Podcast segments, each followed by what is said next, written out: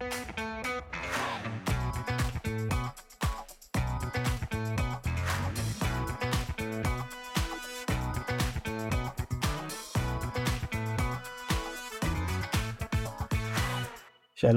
וברוכים הבאים לפודקאסט דיבורי קהילה, Communicast, הפודקאסט על אנשים וקהילה.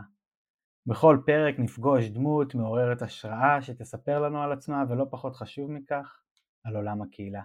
אני דניאל אופק, מנהל מיזם קהילות לומדות של קרן רש"י ומשרד הפנים, ואיתי ענווה רצון עובדת סוציאלית קהילתית, מומחית בפיתוח קהילתי וארגוני בסביבה משתנה, והיום אנחנו מארחים בהתרגשות גדולה את לירז מרגלית. ולפני שככה נציג אותה, אני אה, מזכיר לכם, מאזינים נאמנים שלנו, שאנחנו מזמינים אתכם אה, להמשיך ולכתוב לנו ולדבר איתנו ולהגיד לנו את מי הייתם רוצים לראיין. זה פרק מיוחד היום, כי זה בעצם פעם אחרונה שאנחנו מקליטים אה, בזום, דרך אה, הזנקסטר, ואנחנו בקרוב עוברים לאולפן, ולא סתם לירז פה, כי זה בעצם מחבר לנו בין אה, הרבה עולמות והרבה דברים שקשורים גם לעולמות הדיגיטל, אפרופו איך שאנחנו מקליטים. אה, זהו, מוזמנים אפרופו אה, אה, כל הדיגיטל שאמרתי מלא פעמים את המילה הזאתי, יש לנו קבוצת וואטסאפ סגורה שאנחנו מעדכנים שם על פרקים, וטלגרם, דיבורי קהילה, אתם כבר מכירים את זה. זהו, ענווה, תציגי את לירז, נתחיל, נראה לי אנחנו מוכנים. לירז מרגלית, היא בעלת דוקטורט בפסיכולוגיה, עם התמחות בתורת המשחקים וכלכלה התנהגותית. היא מרצה מבוקשת בכנסים בארץ ובעולם, ומעל עשור היא מרצה באוניברסיטת רייכמן, שזה חדש, מזל טוב רייכמן שאתם אוניברסיטה, ומשמשת אה, כמנהלת האקדמית של קורס חוויית לקוח במרכז להכשרת מנהלים. היא כותבת במעריב ובדה מרקר ובמגזין Psychology Today. אה, המחקרים שלה על, התנהג, על התנהגות משתמשים זכו לפרסים. אמ, ויש לה מחקר שזכה בתור, בתור המחקר הטוב ביותר ב neuro-marketing, נכון? אה, שזה בכלל ביו מרשים ביותר. אז ברוכה הבאה לירז. תודה רבה, כיף להיות פה. אז אנחנו ממש ממש מתרגשים, ואנחנו ככה נתחיל לאט לאט אה, כדי להוריד את הלחצים שלי ושל דניאל מההתרגשות.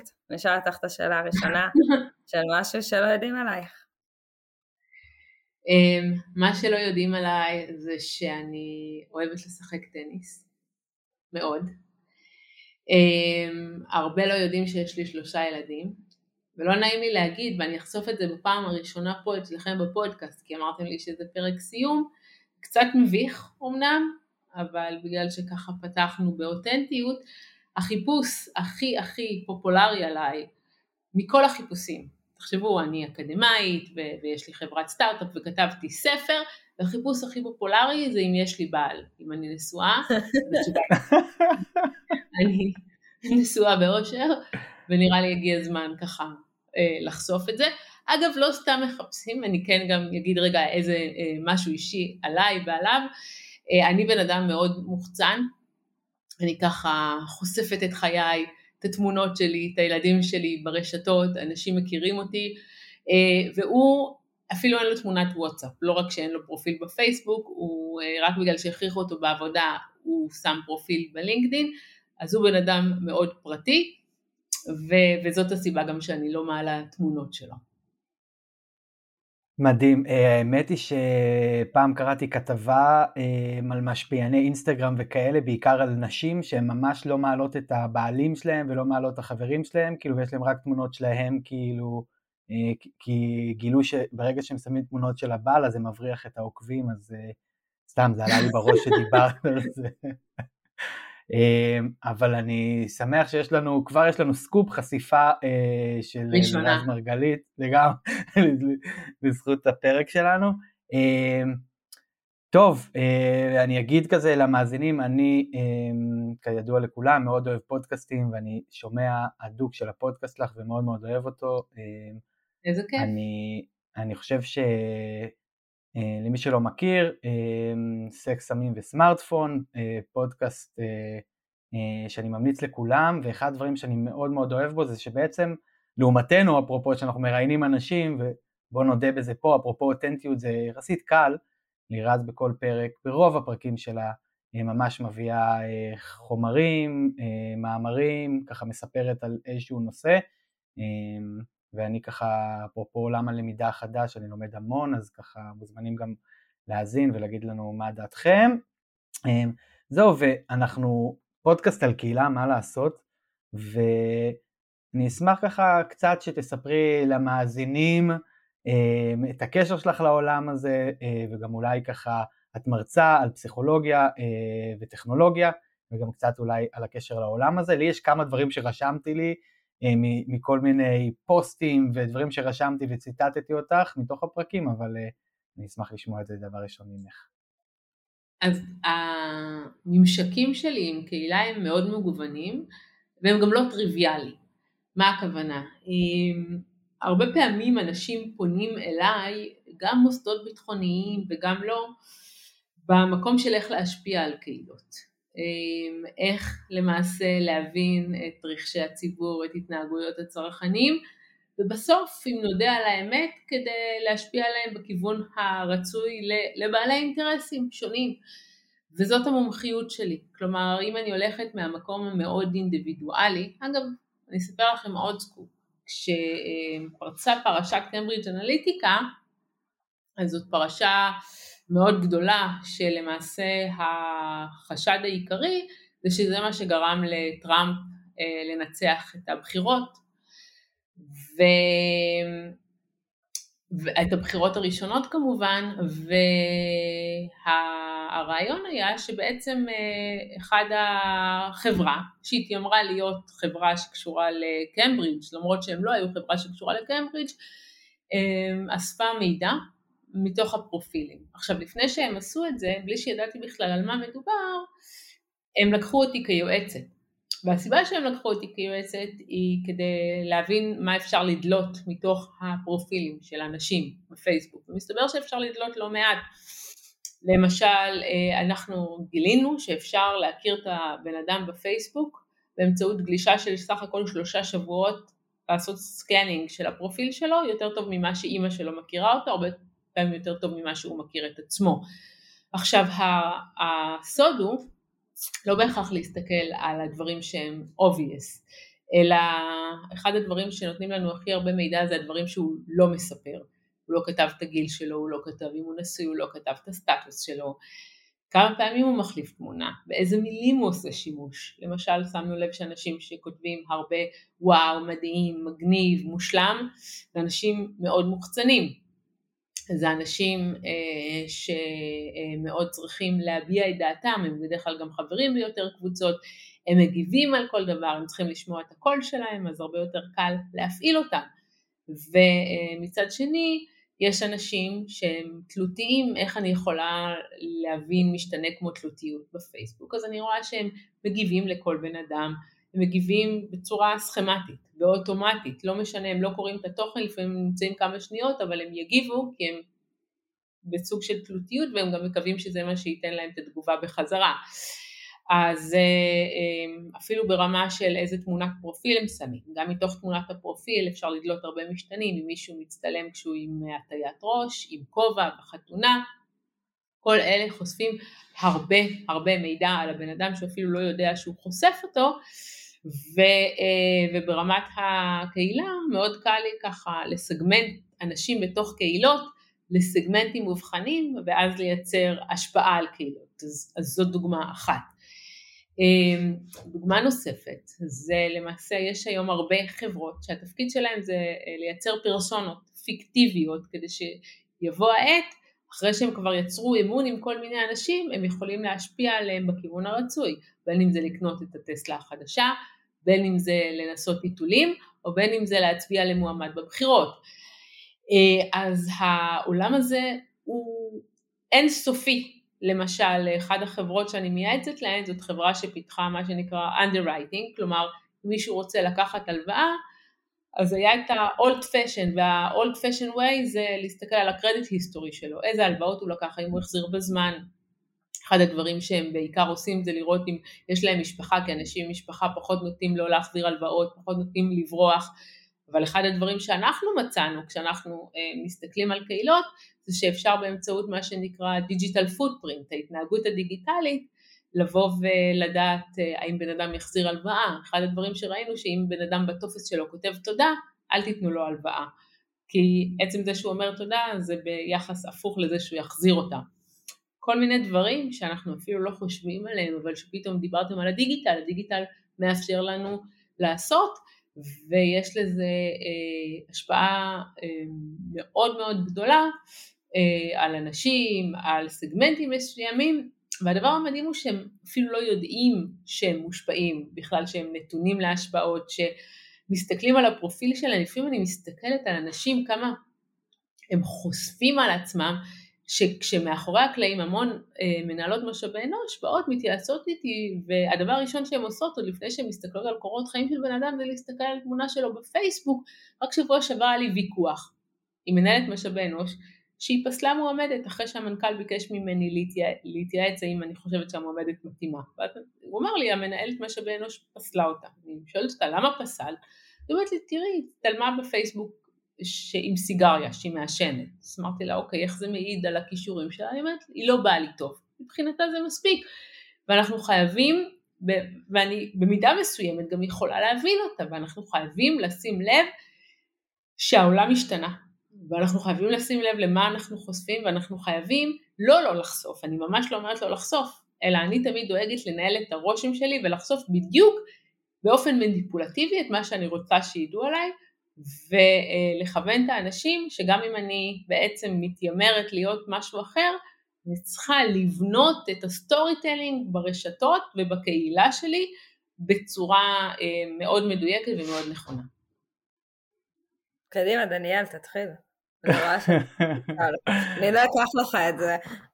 אמ, ענווה ביקשה שככה אני אתן היום לדבר, אז אה, אנחנו נהיה גם בהקשבה, שזה עניין אדיר אצלנו אפרופו. אמ, אני רוצה להגיד שדיברת, כן, שדיברת על התלות, אז אה, את גם מדברת על זה לא מעט בפרקים, בסיפור של attachment ו... אה, והמקום הזה ישר עלה לי באמת המקום הזה, כי אני אה, מזהה, מזהה איזשהו דפוס אצלי שם, אפרופו זה שגדלתי בקיבוץ ולינה משותפת, ופתאום שאמרת לגבי התגובות. וואו, שמעת את הפרק הזה על הלינה המשותפת? הזדהית? מאוד מאוד, ואני גם מאוד מזדהה בסיפור, זאת אומרת, אני חקרתי את הסיפור של הטאצ'מנט. אה, עוד לפני הפרק. כן, כן, אני עובד סוציאלי ולמדתי נכון, את זה נכון. והבנתי מהר מאוד ש... אמ, וגם עשו מחקרים אפרופו בסיפור של הטאצ'מנט על קיבוצים ובדקו את דפוסי התקשרות, המון, המון כן. אמ, אז אה, גם אני הבנתי שיש פה איזשהו סיפור, אבל אני, אני מאוד אוהב שאת עושה את החיבור הזה גם בהקשר של הדיגיטל וגם בהקשר של הקהילות, אה, זה אה, מאוד מאוד נכון, וגם את מביאה את הסיפור הזה של באמת איך אנחנו מתנהלים בתוך העולם הזה, ואני חייב להגיד שגם בהקשר של, לא רק בהקשר הדיגיטלי, אלא בהקשר של קהילות, אמ, אנחנו הרבה פעמים אומרים, אוקיי, בקהילה אני יכול להיות אני ואותנטי, ובעצם אמ, זה כמו משפחה כזה, שאתה יכול להיות מה שאתה רוצה, והאמת היא שזה מאוד מאוד לא נכון, כאילו בסופו של דבר קהילה היא, אה, היא גם משהו שהרבה פעמים מגביל, ואתה... כן, אתה גם לא יכול להיות הרבה פעמים... כן, אני גדלתי בתוך קיבוץ, אתה, אתה לא תמיד יכול להיות עצמך ואותנטי, אתה הרבה פעמים מנהל את מי שאתה או מתנהל על פי למשל שם המשפחה או מה שמכירים וכדומה, אז אני מאוד מזדהה. גם להגיד שהיה לנו, ראיינו את יורם יובל, אה, והוא דיבר על זה לא מעט, על הסיפור הזה של השפעה, יורם יובל, סליחה. הוא דיבר הרבה על הסיפור הזה גם של קהילה וההשפעה שיש לה, אה, בהקשרים גם לפעמים הלא חיוביים, וזה מאוד מעניין. זהו, אני רוצה, אני רוצה לשאול אותך בהקשרים האלה, כי את, את, הרבה, את מרבה לדבר על זה ולהביא את, ה, ככה, את הסיפור הזה של אה, אה, אה, לשים לאנשים את, ה, את האמת בפנים וככה לתת להם את הנתונים ואת העובדות, קצת כמו שעשית לא, לאותה מנהלת משאבי אנוש, ועדיין הרבה פעמים הקבלת החלטות שמתקבלת היא, היא קבלת החלטות שהיא אה, היא לא בהכרח רציונלית, ורציתי לשאול אותך כאילו אם זה יצא לך מתוך המחקרים שלך לראות את זה גם בהקשר של קהילות, אמ, אה, זאת אומרת האם יש אה, גם בקהילות את, ה, את המצב הזה שקהילות יודעות מה טוב להם או מה נכון עבורם אבל הן מתנהלות כנגד הנתונים או כנגד מה שמראים להם או כנגד באמת אה, דברים שאתם ככה חוקרים ויוצא לכם לראות. אז העלית פה המון דברים, אני חושבת שעבור המאזינים שלכם, כדאי למי שלא מכיר את ה-attachment בשתי מילים, רגע להסביר מה זה, כדי שהם לא ירגישו left out, אמ, ולא נתנהג איתם בחוסר נימוס שהם יושבים איתנו בסלון. אז אה, קודם כל ה-attachment theory של בולבי פותחה בשנות ה-50 של המאה הקודמת, אה, ולמעשה אה, בולבי הוא פסיכיאטר, הוא פסיכואנליטיקאי, הוא הושפע מאוד מפרויד, וחשוב להבין שהתמה הבסיסית שהייתה עד בולבי, היום היא תיתפס לנו כמדהימה, כלומר איך בכלל אנשים יכלו לחשוב ככה, אבל התמה הבסיסית הייתה שכדי שתינוק יתפתח בצורה תקינה, הוא צריך ביטחון, שההורים שלו יספקו לו ביטחון, ואוכל וחמצן ומזון והגנה, and that's it. אה, ואז מה שקרה, אנחנו מדברים על אה, אה, ההפצצות על לונדון באותה תקופה, הרבה הורים נאלצו לשלוח את הילדים שלהם לקצה המרוחק של העיר, ולא שלא טיפלו בהם יפה בילדים האלה, נתנו להם את כל מה שהם צריכים, אבל הילדים האלה הראו סימנים מאוד מאוד קשים של דיכאון, ובולבי לא הצליח להבין את זה, והוא אמר אבל זה מה ש... זאת התמה, התמה שאם נותנים להם את כל מה שהם צריכים אז אין בעיה, והם עדיין גדלים עם סימפטומים של דיכאון ובכי ולהתעורר באמצע הלילה, ואז הוא הבין שמשהו פה בתיאוריה פגום. ו- to make a long story short, הוא הבין שילד צריך אה, למעשה את החום ואת האהבה ואת התגובתיות וככל שהוא חקר יותר הוא הבין שבש... שהשנה הראשונה לחיים היא קריטית, היא קריטית. אם אנחנו מדברים על הרגע הראשון שבה הם אה, או מניקה או מאכילה ונפגשים העיניים, יש פה איזושהי דיאדה, יש פה התאמה של התינוק לאימא והאינטראקציה הראשונה למעשה של התינוק שהיא הרבה יותר משמעותית מהאוכל עצמו ו, ולמעשה אז הוא בא ואמר שיש שלושה סוגים של התקשרויות, באמת לא ניכנס לזה כדי להבין יותר, אז בואו או שתקשיבו לפרק או שתקראו על ה-attachment, אבל התקשרות בטוחה זה התקשרות שבה התינוק יודע שהאימא תהיה שם בשבילו, הוא מצליח לפתח מודל מנטלי, ייצוג מנטלי של האימא, שגם כשהיא לא לידו, היא נותנת לו את הביטחון, היא הצליחה. לטעת בו את הביטחון הזה, ואיך היא עשתה את זה? היא הייתה תגובתית. זה, זה, זה כל מה שצריך. כלומר, the good enough mother, את לא צריכה להיות מושלמת, הוא בוכה, את לא חייבת להבין בדיוק את סוג הבכי, את צריכה לנסות, את צריכה להיות שם בשבילו, את צריכה להגיב כדי שהתינוק יודע שכשהוא עושה משהו, הוא מקבל איזושהי תגובה. תינוקות כאלה, מבחינת ההתקשרות שלהם, היא התקשרות בטוחה. לעומת זאת, כשאנחנו מסתכלים על אה, התקשרות אה, חרדתית, אז אה, אנחנו רואים שיש אה, שני סוגים של התקשרות חרדתית. אחת מהן זה תינוק שהוא לא יכול לעזוב את האימא לרגע, כי האימא אה, יצרה בו איזושהי תלות, תלות שהיא ממש לא בריאה, תלות שגרמה לו להבין שמדי פעם היא נמצאת שם בשבילו ומדי פעם היא לא נמצאת שם בשבילו והוא כבר לא יודע לנבא מתי היא תהיה ומתי היא לא ולכן הוא נאחז ואנחנו הרבה פעמים רואים את זה בקשרים תחשבו על בדיוק כל הקשרים ההרסניים שהיו לכם, שבן אדם לא, לא משנה כמה נתתם לו אהבה, הוא רק רצה עוד, זה כמו בור חלול שלא משנה כמה נראה לו שאנחנו אוהבים, הוא כל הזמן יחשוד, הוא כל הזמן יחפש סימנים שבוגדים בו, הוא כל הזמן ינסה לראות, להראות לנו בכוח, אה, למצוא את האהבה שלנו בכוח, ו, וזה הרבה פעמים נהיה אה, אובססיבי ותלותי, ו, והסוג השלישי הוא הסוג שאנחנו קוראים לו נמנע, כלומר התינוק הזה למד שלא משנה מה, לא לפעמים כן לפעמים לא, הוא לא יכול לסמוך על האמא שתהיה שם בשבילו, ואז הוא מפתח אסטרטגיה של הימנעות, כלומר הוא, הוא לא נקשר והוא לא מסוגל לייצר אינטימיות ואומר אני לא צריך אף אחד, יש לי רק את עצמי כי אני למדתי שאני לא יכול לסמוך על אף אחד. ובהקשרים האלה שאתה מדבר על הקיבוץ, אז בקיבוץ, לא כל הקיבוצים, הקיבוצים אז שהיו עם הלינה המשותפת, עשו על זה המון סרטים, המון מחקרים, זה היה ברמה של הרסני, הרבה אנשים שגדלו לא הסכימו לזה, אבל, אבל בסוף זה לקחת את התינוק מההורה המטפל, מהדמות שאמורה להיות הכי קרובה ולשים אותו עם עוד ילדים, ואין מה לעשות, אנחנו, אנחנו קוראים לזה בפסיכולוגיה נרקסיזם ראשוני, וזה בסדר. מה זה נרקסיזם ראשוני? זה אומר שה... התינוק או הפעוט, הוא רוצה להרגיש שהוא הדבר הכי חשוב להורים שלו, הוא מרכז העולם. עכשיו מה קורה אם הוא לא מקבל את זה? אם הוא לא מקבל את זה, הוא לא יפסיק לחפש את זה, והוא ידרוש את זה עוד ועוד ועוד ועוד ועוד, וזה מה שקורה הרבה פעמים בקיבוצים, או שהם נמנעים או שהם הופכים לחרדתיים.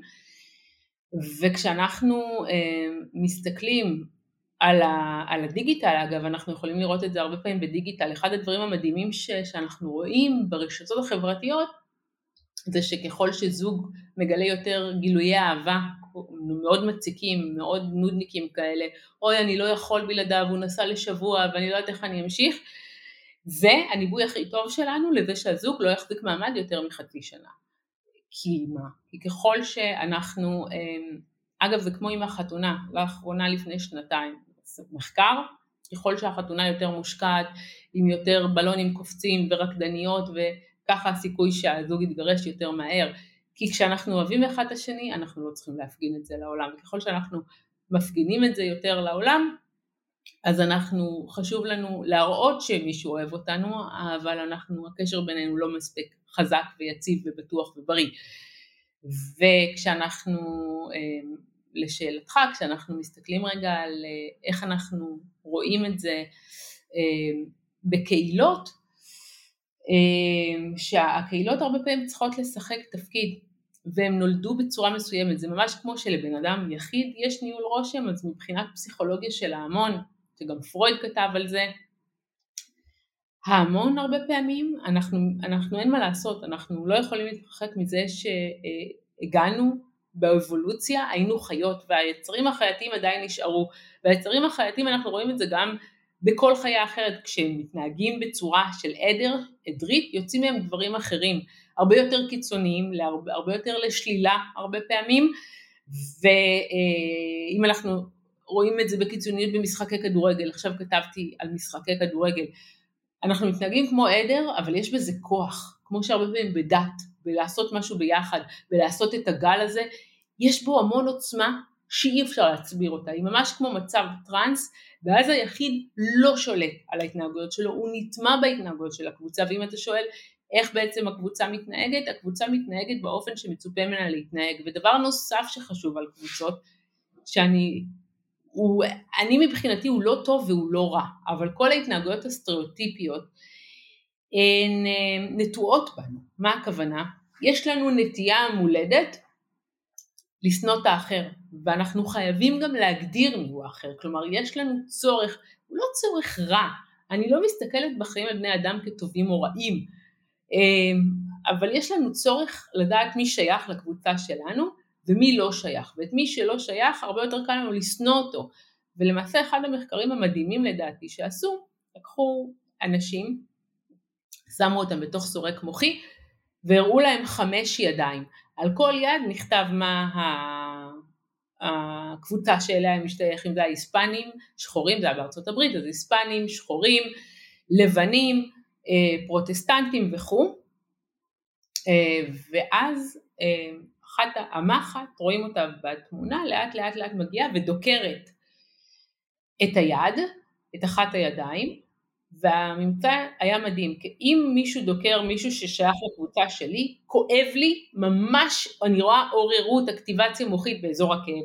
אבל כשהמחט דוקרת מישהו, ככל שהוא רחוק יותר מהקבוצה שלי, אם אני לבנה ואני רואה אותו דוקר שחורים, או אם בישראל, אין מה לעשות, אני מצטערת, זה לא פוליטיקלי קורקט, אבל אם זה ישראל, מישהו ימני קיצוני רואה שדוקרים ערבי, לא כואב לו, זה בכלל לא כואב לו.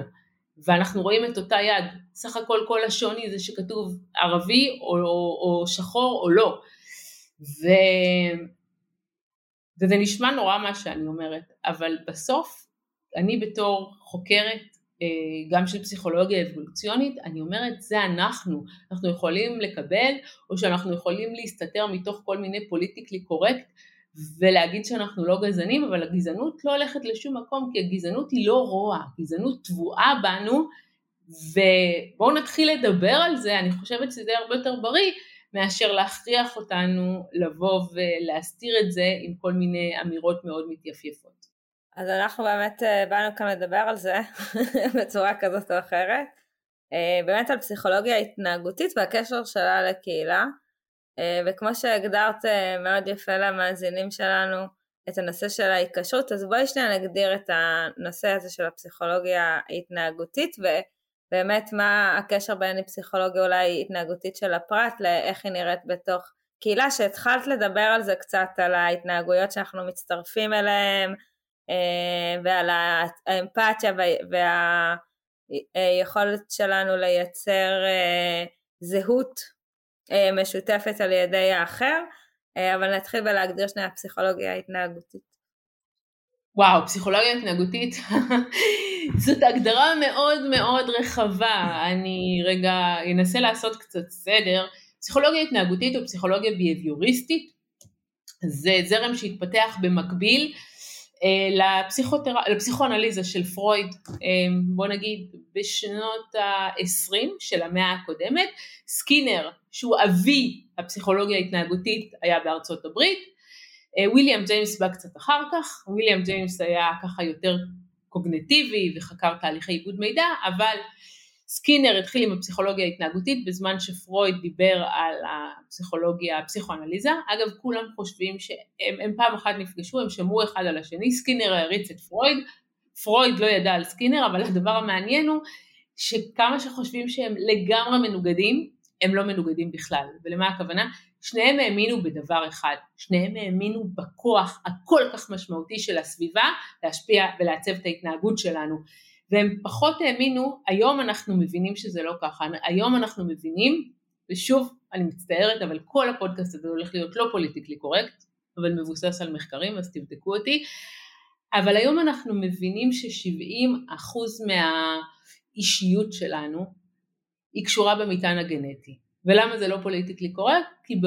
ואנשים מאוד מנסים אה, להסתיר את זה, את מה שאמרתי עכשיו, למרות שזה מגובה במחקרי תאומים מכל הסוגים, מנסים להסתיר את זה כי זאת אומרת שאין מה לעשות, יש אנשים יותר אינטליגנטים מאחרים ויותר יפים ויותר מוצלחים ועם מטען הגנטי יותר משובח וזה בדיוק סותר את כל הפוליטיקלי קורקט אבל אין מה לעשות זה קיים. אז אפשר להתעלם מזה ואפשר לא להתעלם מזה אבל, אה, אבל זה שהמטען הגנטי קובע את השונות שלנו ב-70 אחוז, זה, זה, זה חלק שאי אפשר להתעלם ממנו, אבל נשים את זה רגע בצד, נחזור לפרויד ולסקינר, הם לא האמינו במטען גנטי. אז מה שסקינר אמר, שהוא אבי הגישה ההתנהגותית, זה תביאו לי 100 תינוקות, אני אעשה מאחד מהם עורך דין, מאחד מהם רוצח, מאחד מהם שופט, והוא ממש ממש האמין בכוח של הסביבה לעצב את ההתנהגות שלנו. פרויד האמין אמנם שיש לנו אגרסיות ודחפים שהגיעו אה, במהלך האבולוציה, אבל הוא מאוד מאוד האמין בהשפעה של ההורים, כל התיאוריה הפסיכוסקסואלית שלו על הקשר עם ה, על אה, התסמון, אה, הקונפליקט האדיפלי ואלקטרה והקשר המיני של התינוק והדחפים שלו והקונפליקטים, הוא מאוד מאוד האמין בכוח גם של הסביבה לעצב את האישיות. אמ, אבל הוא, הוא בעצם לקח את זה למקום אחר, אבל העיקרון הוא אותו עיקרון, וסקינר רצה, בא ואמר תראו, הוא מאוד הושפע מכל המדעים שהתחילו להתפתח, הוא אמר אם אנחנו רוצים שהפסיכולוגיה תהיה מדע, אסור לנו לחקור את מה שבתוך הקופסה, ואני מזכירה לכם, דובר על שנות ה-20 של המאה הקודמת, לא היה לנו FMRI, לא היה לנו סריקת מוח, לא היה לנו EEG, לא היה לנו שום כלי להסתכל לתוך הקופסה הזאת שנקראת המוח, ואז הוא אמר, אני יכול לבחון רק מה שאני יכול לראות בעיניים. אגב, הוא לא אמר שאין כלום בקופסה כמו שחלק אומרים, הוא אמר אני לא יכול למדוד את זה. ולכן הוא בעצם יצר את גישת הגירוי תגובה. כלומר, אם אני בעצם, אה, הוא הושפע גם מפבלוב, אם אני אה, נותן לתינוק איזשהו, אה, לתינוק, לכלב, לא משנה למה, ועד היום משתמשים בגישה הזאת לאימון של כלבים, איזשהו תגמול, הוא יעשה מה שאני אומר, הוא יחזור על הפעולה. אם אני נותן לו עונש בדמות שוק או, או כל דבר אחר, אז הוא יימנע מהפעולה. ואז הייתה את תיבת סקינר המפורסמת שכולנו מכירים אותה, אמ, לפעמים היו בה יונים, לפעמים חולדות, אבל זה לא משנה. מה שהוא עשה, הוא למשל נתן לחולדה להסתובב בכלוב,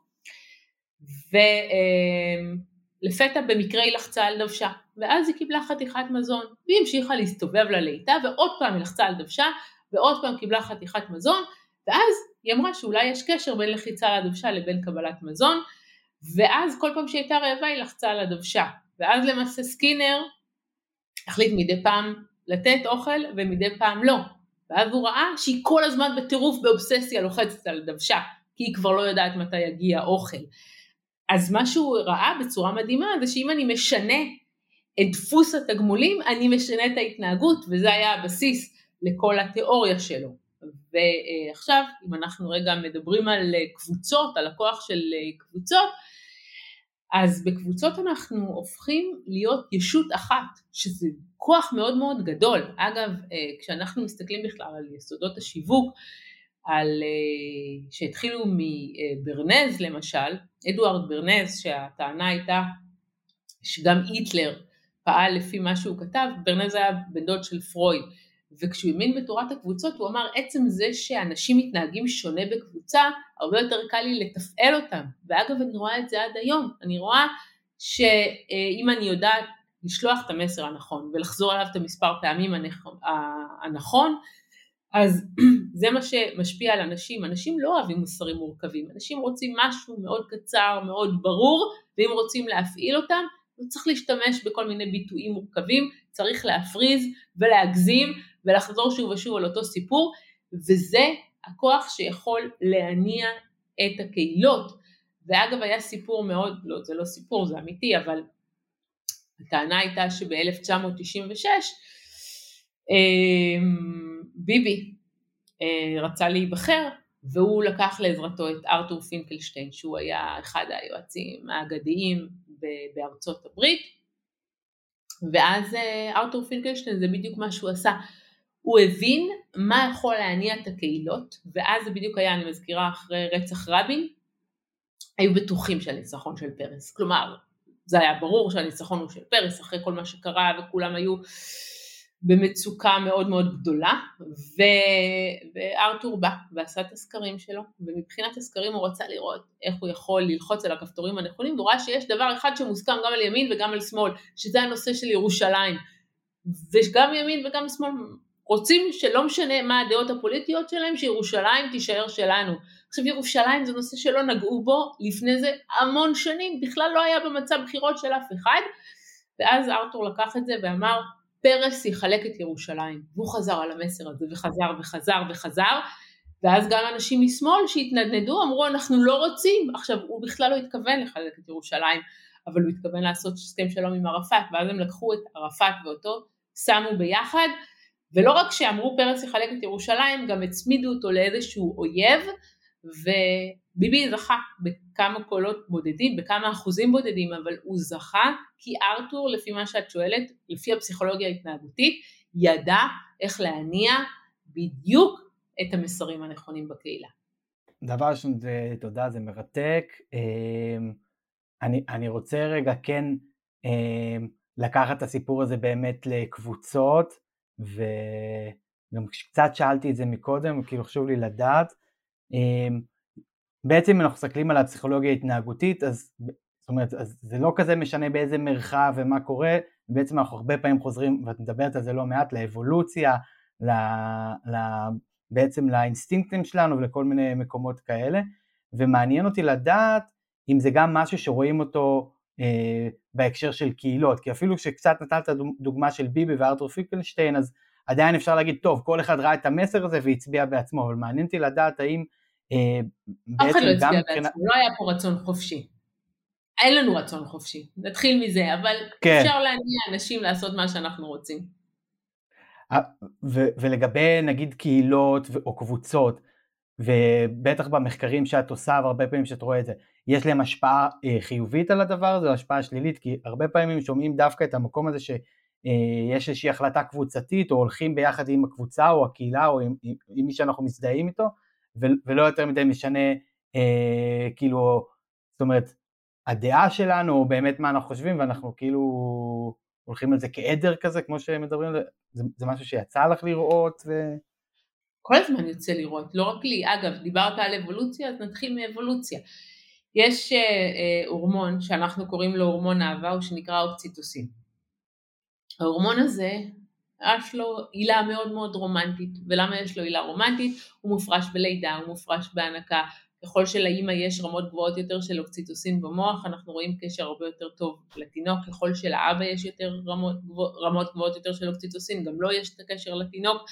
כשאנחנו מרססים אותו מספרי לאף, הוא מגדיל משמעותית את האמון בבן אדם שאנחנו לא מכירים. ואז היינו בטוחים שהכל נורא רומנטי ונורא טוב. אז הגענו לקהילות ולקבוצות וראינו שאומנם הרמות הגבוהות של האוקציטוסין בין חברי הקבוצה מחזקות את ה bonding בין חברי הקבוצה, אבל הן מחזקות עוד יותר בצורה הרבה יותר משמעותית את השנאה לאנשים שהם לא בקבוצה. ככה שההורמון הזה הוא לא רק טוב, אלא אין טוב ורע. אני רגע מצטערת מאוד שאמרתי את זה, אבל הוא לא רק אה, בוא נגיד מחזק את הקשר בין חברי הקבוצה, הוא גם גורם לנו אה, להתרחק מכל מי שלא בקבוצה שלנו. וזה משהו שהוא, אין מה לעשות, כמו שאתה אומר, הוא אבולוציוני. אגב, כשאנחנו מסתכלים על נמלים, איך הן פועלות, אז אנחנו רואים שנמלים שאנחנו, שמסתכלות עליהן, נמלים אחרות, פועלות הרבה יותר במרץ, לא הרבה יותר פי שתיים, פי חמש יותר מהר מבחינת בניית הקן, מבחינת היכולת שלהם לסחוב מטען כפול שלוש מהמשקל שלהן, כשמסתכלים עליהם יש את אפקט ההמרצה החברתית, הוא מאוד משמעותי, ואני רוצה לראות אם גם בבני אדם יש אפקט המרצה חברתית, האם כשאני עומדת מול קהל אני אבצע הרבה יותר טוב, אני ארוץ יותר טוב, אני אפעל יותר טוב מאשר לבד. ואז ראו שאצל בן אדם כמו הכל הוא הכל הרבה יותר מורכב. כשיש אה, משהו שאני מתורגלת בו היטב, למשל אם אני רצה ולא צריך להפעיל חשיבה, אז כשאנש, כשאנשים רואים אותי רצה אני ארוץ הרבה יותר מהר, בצורה משמעותית, אני אשחה הרבה יותר מהר, אבל כשאני צריכה לעשות פעולה מורכבת כמו תרגיל מתמטי, להפך, האפקט המרצה החברתית יחליש אותי ויוריד את מה שאני צריכה לעשות. למה אני מספרת לכם את זה? בגלל שלשאלתך, כשאנחנו עושים משהו שהוא מאוד פרימיטיבי, ברברי, אוטומטי, בלי מחשבה, אז הקהילה תהיה מאוד משמעותית, אבל כשאנחנו צריכים לעשות את הדבר הנכון, לא נצליח לעשות אותו בקהילה, כי האפקט של הקהילה הוא כל כך חזק, שאנחנו יותר פועלים כעדר מאשר כאינדיבידואלים שמסוגלים לחשוב. האמת שעוברות לי מלא מחשבות ואת לוקחת אותי ל... לא נעים לי להגיד מתי למדתי את התואר הראשון, בערך לתואר הראשון, אמ, וכל המחקרים באמת ההתנהגותיים שהיו שם, אה, וכשאני חושבת על זה אנחנו כל הזמן עוסקים בנושא של ההתנהגות שלנו אל מול הקהילה, אמ, אפילו סתם הפרק לפנייך הוא פרק על התחדשות עירונית והצורך בבניית הסכמות וגישור, אה, שגם שם בעצם אנחנו רואים איך הפסיכולוגיה ההתנהגותית בסוף אה, יכולה לצייר אה, מחנאות בתוך קהילות ויכולה גם לייצר הסכמות משותפות כדי להצליח ולצמוח ומעניין אותי לשמוע איך בעצם את חושבת בעקבות הפסיכולוגיה ההתנהגותית אפשר לגרום לקהילות לצמוח. כאילו אנחנו מדברים כאן המון על ההתנהגות של הפרטים ומעניין אותי איך אפשר אה, לקחת את הכוח הזה אה, למקום, את אומרת שאין טוב ורע, אז אני לא רוצה להגיד גם חיובי, אבל למקום מיטיב אולי אה, עם הקהילה. כשאנחנו מסתכלים על מקום מיטיב, אז אנחנו רואים שיש הרבה הרבה השפעה למשחקי תפקידים, זה מאוד משמעותי. למשל, אחד הדברים שראינו זה שכשאנשים מתלבשים בתחפושת של סופרמן הם פתאום מרגישים הרבה יותר קייפבל, הרבה יותר יכולות, הרבה יותר אה, פחות חששות, פחות עכבות. אה, כששמנו על אה, אה, נשים תחפושת של אחות הם פתאום היו הרבה יותר רחמניות, הרבה יותר אמפתיות, הציעו עזרה גם כשלא ביקשו מהם עזרה בהשוואה למצב שבו הם לא לבשו את הבגדים האלה. כלומר אנחנו יכולים לעשות טריגרים שהם נשמעים לנו אפילו מטופשים עכשיו שאני אומרת אותם, אבל הם כל כך משמעותיים המשחק הזה של התפקיד ולכן מאוד חשוב איך הקהילה הזאת צובעת את עצמה אבל צריך את המתמדת כלומר המדים יכולים מאוד לאחד ולעשות דברים רעים ולמשל יש אפקט שנקרא דה אינדיבידואציה בקהילה. כלומר כשאנחנו שמים מסכות בלי את הגשם הרבה יותר נטמעים בקהילה והרבה יותר יכולים לעשות דברים הרסניים כי אנחנו מאבדים את הצביון האישי ולעומת זאת כשאנחנו שמים את השם שלנו ואנחנו מתחפשים אה, או עם מדים שבעצם אה, נותנים איזשהו framing או triggering לאמפתיה או בעצם מעשים חיוביים, אז אנחנו נשארים בתפקיד הזה והתפקיד והקהילה רק מעצימה את זה. אה, זה, האמת שזה מתחבר לי מאוד לקיבוץ, אחד הדברים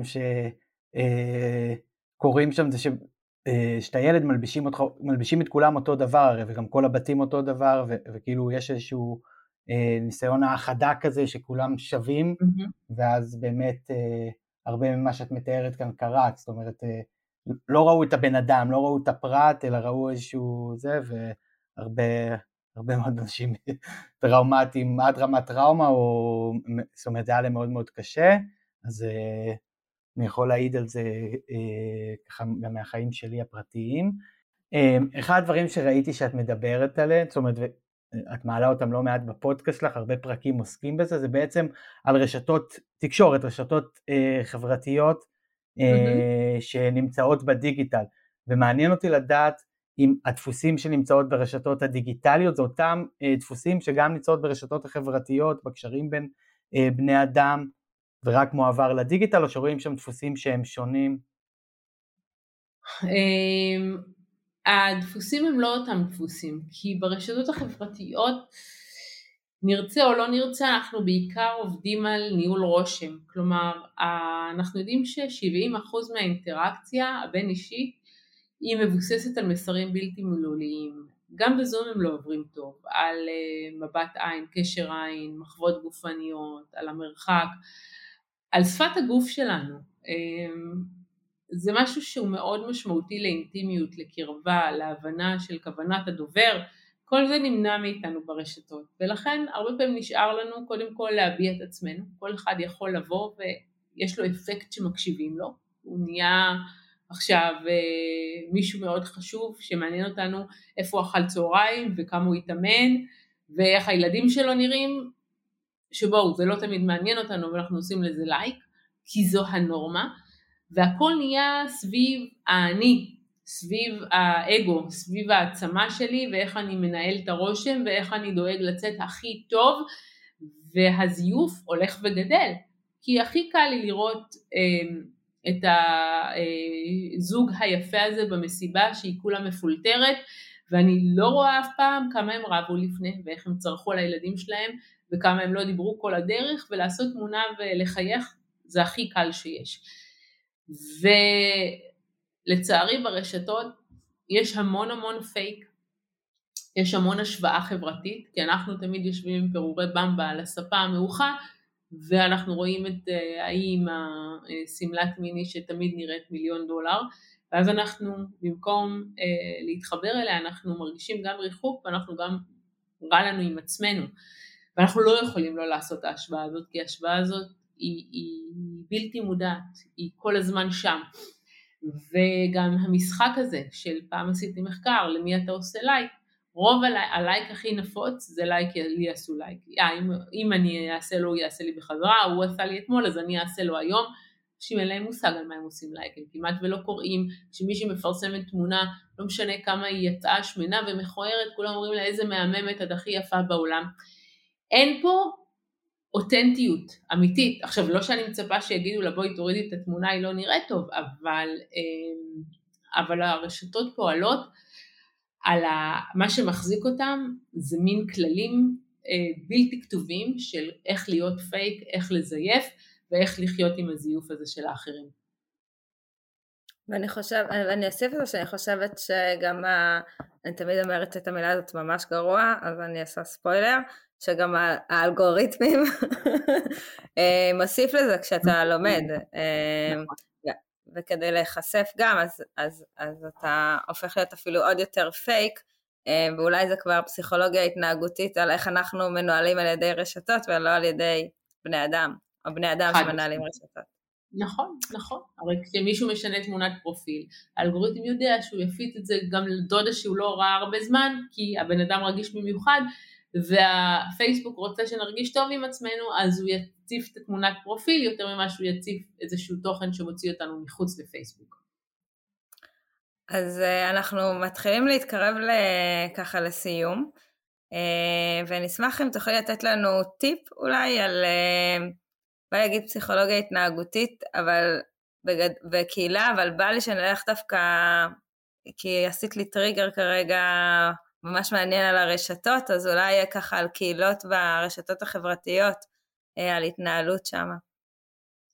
הטיפ הכי, אני חושבת חשוב שאני יכולה לתת לאנשים בהקשר הרשתות, בעיקר בהקשר קהילות, זה קודם כל כשאתם רואים משהו שמישהו פרסם, כשאתם רואים תמונה, כשאתם רואים איזושהי, איזשהו פוסט, קודם כל אל תאמינו, קודם כל תנסו להבין מה האינטרס מאחורי, כי הרבה פעמים אין מה לעשות, הרגשות שהכי הרבה עולים ברשתות זה או קנאה או תסכול.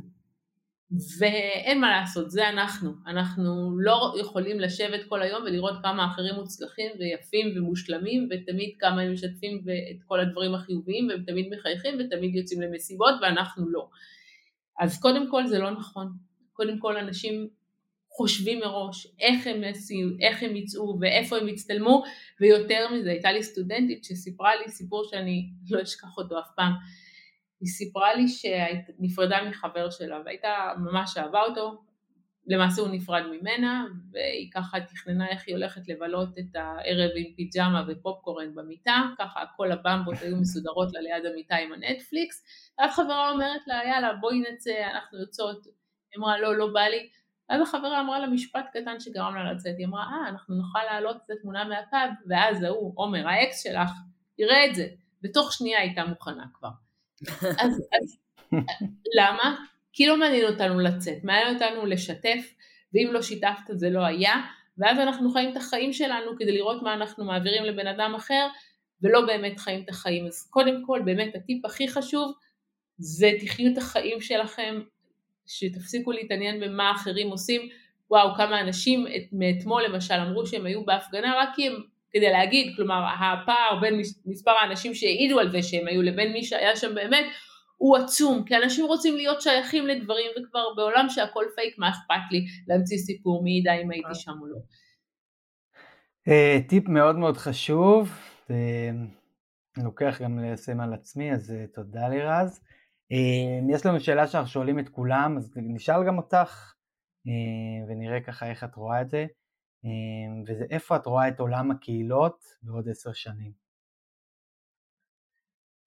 אני חושבת שאנחנו רק נלך ונראה קהילות שהן יותר ויותר מגובשות סביב נושאים, סביב תמות, כי אחד הדברים היפים שעשו הקהילות זה הם נתנו גם לאנשים שהם לא הרגישו מחוברים לאף אחד, שהם הרגישו left out, שהם הרגישו weirdo, הם מצאו את האנשים כמוהם, וזה בסדר, והיום הרבה יותר מרגישים טוב עם עצמם, בין אם זה קהילה של אנשים נגיד על הרצף האוטיסטי, ובין אם זה קהילה של אנשים שאוהבים רק מונטי פייתון, וזה עם אנשים שמתכנתים בשפה מסוימת, ואנחנו נראה יותר ויותר קהילות שבעצם אה, הנושאים שלהם יותר ויותר תחומים לאיזשהו עניין משותף מאוד מאוד ספציפי ואנשים מאוד אוהבים את ההזדהות הזאת ואת האנשים שחושבים כמוהם והם יכולים לדבר איתם ולכן לדעתי אנחנו נראה יותר ויותר התמקצעויות כאלה של קהילות.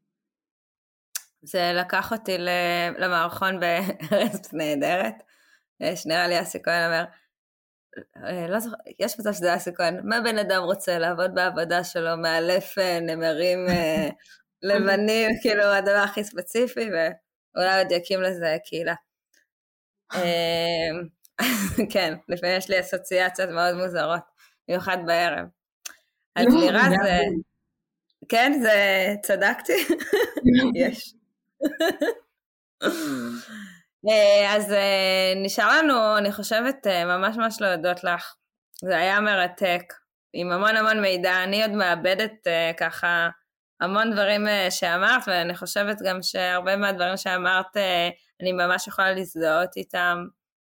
אה, ולהרגיש אה, את מה שאמרת, ואני אפסיק לקחת כל כך ברצינות אה, אנשים ברשתות, למרות שדי התנתקתי מהם, אבל עדיין. דניאל, אתה רוצה להוסיף משהו?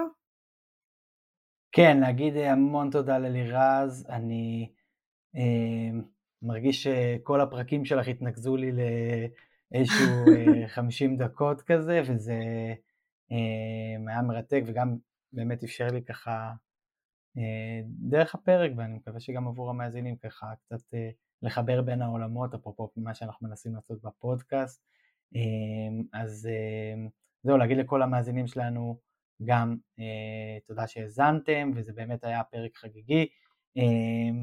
שבפעם הבאה שאתם תשמעו אותנו, תשמעו אותנו כבר באיכות יותר טובה, ואפרופו אה, דיגיטל ככה פנים אל פנים, ואנחנו מקווים שיש שם אה, אה, את הדברים המתבקשים במפגש פנים אל פנים, וכמובן שנחבר את זה לדיגיטל, כי אתם תאזינו לנו דרך הפלטפורמות הדיגיטליות.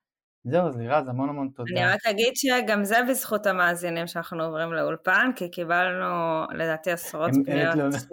הם לא יותר מדי, לגמרי, חד משמעית. תודה רבה, לירז. תודה רבה, לי ממש כיף.